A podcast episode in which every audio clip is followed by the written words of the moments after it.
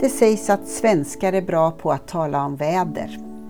Det kan vara svårt att förstå en sån här grå novemberdag som idag. Det sägs också att vi är sämre på att tala om våra löner, som anses vara en alltför privat fråga. Detsamma gäller vår tro, som också anses vara en privat fråga. Samtidigt som jag tänker att det inte alls är det. Det är säkert i en vilja att vara respektfull vi undviker dessa ämnen, men det kan också vara tvärtom. Fördelen med att prata löner och pengar med varandra är att våra olika förutsättningar kommer fram i ljuset. Ja, jag förstår att det finns risker och nackdelar med det, men också fördelar. När det gäller tro är jag helt övertygad om att det är en stor tillgång om vi blir bättre på att tala om allt det som hör tro till. Tillit, liv och död, vart ska jag gå med mina böner, min oro och min glädje? Finns Gud? Och hur gör jag för att nå Gud? Djupt existentiella frågor som hjälper oss att leva, som hjälper oss att orientera och sortera i livet. Sverige har religionsfriheten inskriven i grundlagen och ändå kan vi bli bättre på att vara fria i samtalen om tro. Andra länder saknar religions och övertygelsefrihet trots att det är en av de mänskliga rättigheterna. Enligt en del den mest grundläggande och en förutsättning för andra mänskliga rättigheter som till exempel jämlikhet, lika värde. 75 procent av världens befolkning lever i situationer där religions och övertygelsefriheten är kraftigt begränsad. 75 procent, det är ganska mycket.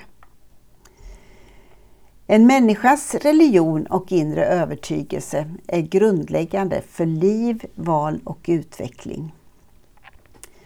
Om denna inre övertygelse begränsas skadar det andra saker för människans liv.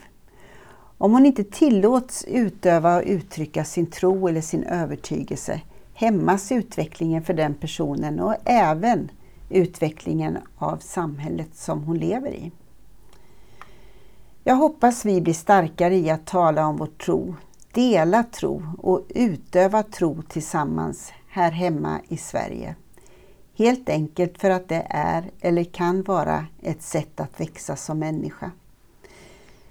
Jag ber och hoppas på samma sätt att de 75 procent som lever med begränsning av religions och övertygelsefriheten får möjlighet att leva ut sin tro. I Equmeniakyrkans internationella arbete är religions och övertygelsefrihet en viktig del.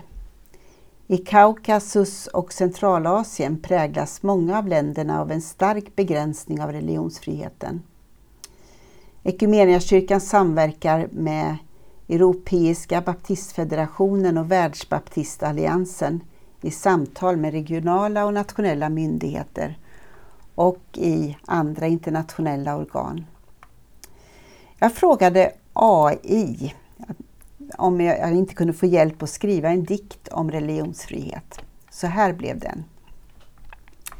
Religionsfrihet är mer än bara tro det är att respektera och låta andra växa. Religionsfrihet är inte att tvinga eller döma. Det är att lyssna och lära och dela våra mänskliga drömmar. Religionsfrihet är en bro mellan kulturer. Det är att bygga fred och rättvisa och försvara våra värden. Den blev inte så dum tycker jag. Den här veckan ber vi för Centralasien och Kaukasus där religionsfriheten är begränsad. Vi ska också be för församlingar i Region Väst som önskar mod och nya vägar för att bygga kontakter. Ja, egentligen dela tro, prata tro och uppleva friheten i att ha en tro och vara buren i tro. Så låt oss be. Gud, vi ber för församlingarna i Region Väst. Vi ber om mod och nya vägar att bygga kontakter med människor i församlingarnas närhet. Tack för alla ledare som uthålligt möter barn och unga i våra församlingars verksamheter. Vi ber särskilt för de grupper som behöver fler ledare. Så ber vi för arbetet i Centralasien och Kaukasus. Vi ber för människor som vi står i kontakt med. Vi ber om kraft och om din omsorg och tröst i svåra förhållanden. Vi ber om frihet att kunna uttrycka sin tro och om förbättrade levnadsvillkor. Gud, vi tackar dig för livet och för den skapelseväv vi är en del av. Vi ber om mognad och visdom när människor söker vägar till ett hållbart liv på jorden. I Jesu Kristi namn. Amen. Så ber jag att Gud ska välsigna dig och din dag och dela tro med någon av dem du möter.